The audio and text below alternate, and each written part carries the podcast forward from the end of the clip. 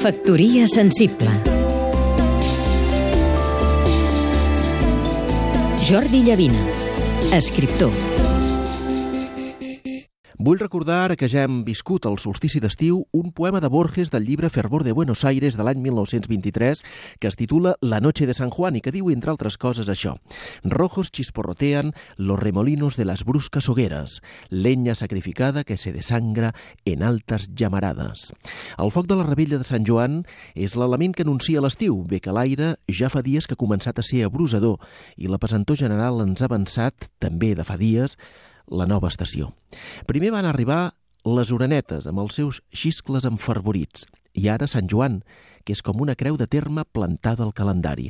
El foc és l'element anunciador de l'estiu, tant com l'aigua ho serà de continuïtat. I el foc era també l'element predilecte del poeta Bartomeu Rosselló Pòrcel. Tota la meva vida es lliga tu, com en la nit les flames a la fosca, el qual em va fer fins i tot bandera de títol. El seu llibre més cèlebre es diu Imitació del foc i és de l'any 1938.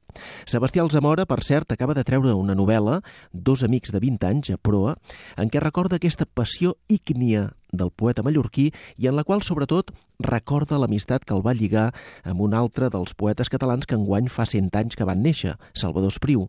Els altres dos també valdria la pena que els recordéssim i que els llegíssim, Marià Villangómez i Joan Teixidor.